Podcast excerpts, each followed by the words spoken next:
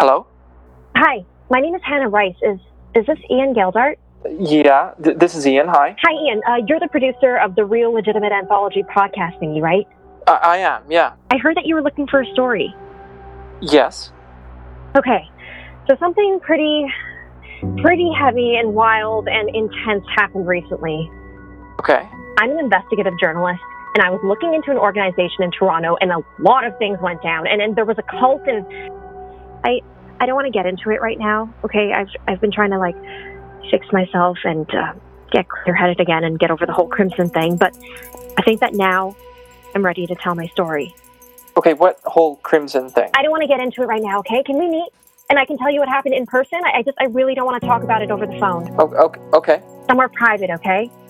It's just I. I don't know what will happen to me if they know that I'm telling this story.